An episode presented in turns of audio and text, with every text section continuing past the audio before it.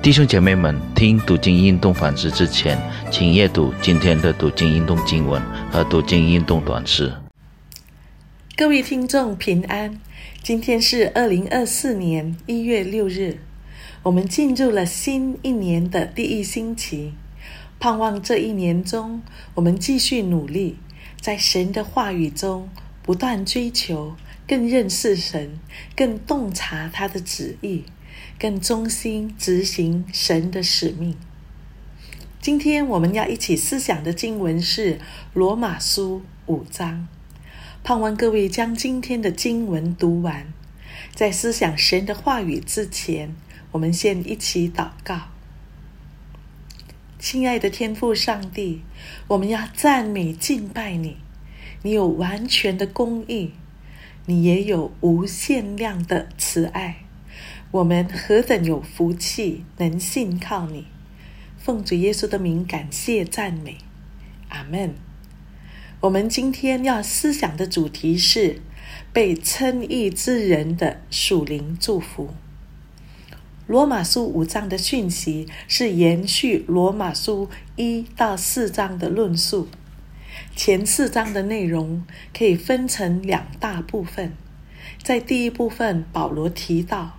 有些人是自以为意，以自己的良心守律法夸口，这样的人，神就会用公义的愤怒来审判他们，因为没有一人能靠自己行义来达到神公义的标准。第二大部分是神的公义以福音的形式临到愿意真心认罪悔改的人。这样的人，神就在基督里算他们为义，得着新的生命，成为神的儿女。请注意，“算为义”指的是什么？说明我们不是义人，但是因着耶稣基督的义，他是无罪的，代替我们承担一切罪的刑罚。神因此算我们为义。到了第五章第一节的开始，有连接词。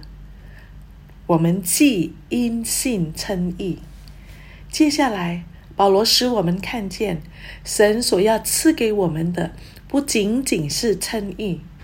称义后，神要我们领受的还有：第一，得与神和好；第二，得进入现在所占的这恩典中；第三。并且欢欢喜喜盼望神的荣耀。第四，不但如此，就是在患难中也是欢欢喜喜的。第一的祝福是得与神相合。相合原文的意思并非平等的双方彼此和好，因为世人都是受造的，我们与神不是相等的地位。加上这和好的代价不是世人付出的，是神借着他的独生子耶稣基督为世人的罪定死在十字架上，神付出最昂贵的代价，而我们只是领受。与神相合原文的意思还包含人被称义后，面对神时，心中是可以充满平安的。没有害怕，不用伪装，可以坦然无惧的来到神的面前，这是何等大的祝福！第二的祝福，得进入现在所占的这恩典中，这祝福是神借着基督为我们开了一条道路，因为当我们的始祖亚当犯罪后，罪使人与神隔绝。我们原是没有来到神面前的途径。旧约时代，神的子民是经过祭司朝见神，但是我们现在可以直接与神交通，有内住的圣灵帮助我们，使我们与神建立个人的关系。这是何其大的恩典！第三，并且欢欢喜喜盼望神的荣耀。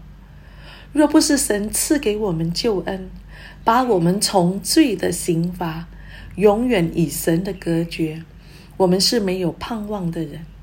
但如今，我们是有永生盼望的人，永远与神同在，有赐给我们的圣灵，将神的爱浇灌在我们心里，这是超乎我们想象的喜乐。第四的祝福，进一步使我们的喜乐不被任何的情况所影响，即便在患难中，我们依然可以欢欢喜喜。神给我们的悟性，使我们能体会，知道患难生忍耐，忍耐生老练，老练生盼望，盼望不至于羞耻。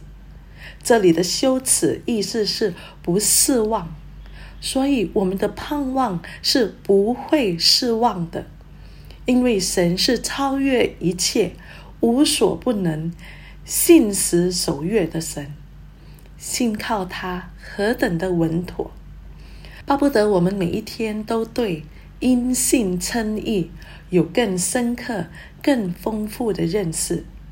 思想神在这四个字的背后付出的代价、浇灌的爱、为我们预备的祝福，更是要思想我们原是不配得到的人，是没有盼望的人，是自己都不知道需要救恩还抵挡神的人。祈愿今天的学习使我们在这新的一年。每一天都被耶稣的爱所激励，使我们更多的爱他，更渴慕寻求他的旨意，更追求完全的顺服，竭力忠心到底。我们一起祷告，亲爱的耶稣，你的爱无法测透。我们还做罪人的时候，你就愿意为我们死。你的爱就在此向我们显明了，帮助我们每一刻都不忘记你无限量的爱。奉主耶稣的名，阿门。